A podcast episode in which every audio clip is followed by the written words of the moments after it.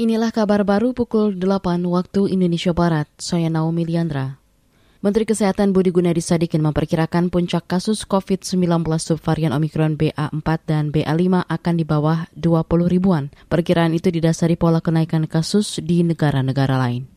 Berapa tinggi sih puncaknya dibandingkan sebelumnya? Rata-rata mereka berkisar antara 30 sampai 40 persen dari puncak Omikron sebelumnya. Jadi kalau Indonesia kan 58 ribu sebelumnya ya, ya 30 persennya lah. Mungkin di bawah 20 ribu puncaknya kasus per hari. Kalau kita mengikuti, kalau kita mengikuti polanya yang terjadi di negara-negara lain yang sudah melampaui puncak. Menkes Budi Gunadi Sadikin menambahkan, kenaikan biasanya akan terjadi selang sebulan pasca temuan subvarian tersebut, sehingga diperkirakan puncak kasus di Indonesia terjadi pada pekan kedua atau ketiga Juli. Menkes mengimbau masyarakat tak perlu panik dan segera melakukan suntik vaksinasi dosis ketiga atau booster.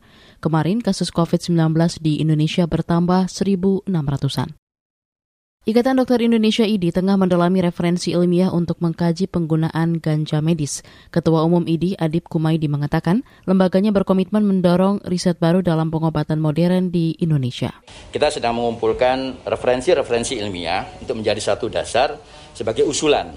Tapi tentunya sekali lagi poin utama yang harus diberikan pemahaman bahwa kita harus melihat dari aspek patient safety. Itu yang pertama. Kemudian yang kedua, kita juga harus melihat bahwa tentunya di dalam e, pengobatan apa pun itu sebenarnya ada namanya adverse effect, ada efek samping yang juga harus diperhitungkan juga. Itu tadi Ketua Umum IDI Adib Kumaidi. Sebelumnya, pemerintah dan DPR membuka peluang penggunaan ganja untuk medis. Juri bicara Kementerian Hukum dan HAM Tubagus Arif Faturrahman mengatakan, pemerintah bakal mengkaji dari berbagai aspek untuk melegalkan ganja itu. Sementara pekan lalu, DPR meminta penjelasan ahli dalam rapat dengar pendapat tentang legalisasi ganja medis. Sebanyak lebih seribu atlet penyandang disabilitas intelektual dari 21 provinsi berkompetisi dalam Pekan Spesial Olimpik Nasional Pesonas di Kota Semarang, Jawa Tengah. Kegiatan yang berlangsung mulai kemarin hingga Jumat ini digelar sekaligus sebagai ajang seleksi atlet pada Summer Olympic World Games tahun depan di Berlin, Jerman.